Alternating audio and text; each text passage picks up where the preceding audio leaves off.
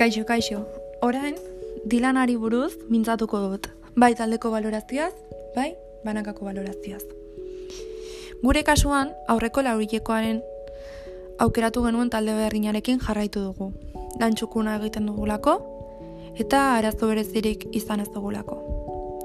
Berriz ere gure aburuz lan egokia egin dugula pentsatzen dugu.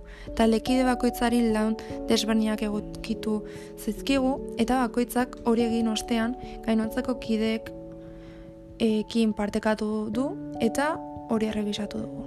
Ta zerbait eraldatu beharrezkero, ba egin elkarrekin egin dugu. Era horretan guztiok lanaren zati guztietan parte hartu ari izan dugu modu ordenatu batean.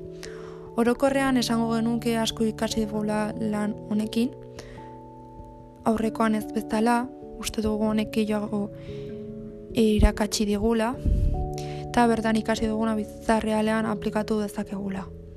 Hau da, esperientzia realak izanik, asko zerrazagoa da bere azalean jartzea, kaso honetan ba, ez zitzai eta pedagogo baten azalean, eta guketorkizuen batean jasan alditugun egoerak ezagutu alizan ditugu haien joka moldean, alarisia ginez eta abar.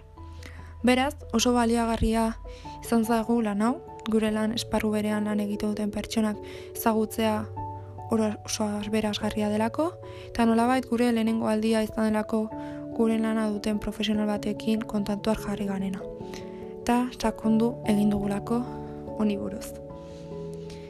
Nere balorazioari dagokionez, ezer baino lehen gustatuko litzadeak esatea oso gustura egin lana nire taldekideekin batera ondo moldatu tanto latu garelako. Hildo beretik aurreko dilaneko lana ere elkarrekin sortu genuen. Hortaz jadanik elkar ezagutzen dugu eta dakigu zeintzu diren bakoitzaren abiliziak eta hobetu beharrekoak. Izan ere egongo lan modularra azaldu zegutenean argi nuen lan txukumat egingo genuela lan egiten bagenuen, behintzat. Gaia oso interesgarria zelako.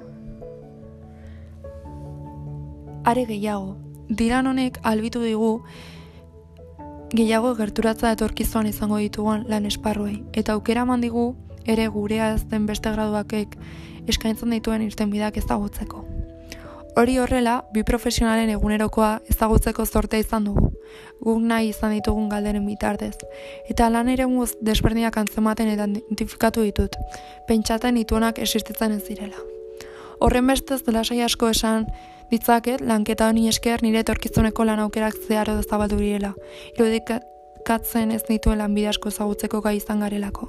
Eta bera berean, dilanari esker sakondu izan dugu ez ditzai eta pedagogo baten errealitatea buruz. Azken batean balegarria eta interesgarria iruditu zait dilan hau burutzea. Ohartu garelako lan egitean implikazio gehiagorekin egingo dugula eta hobeto.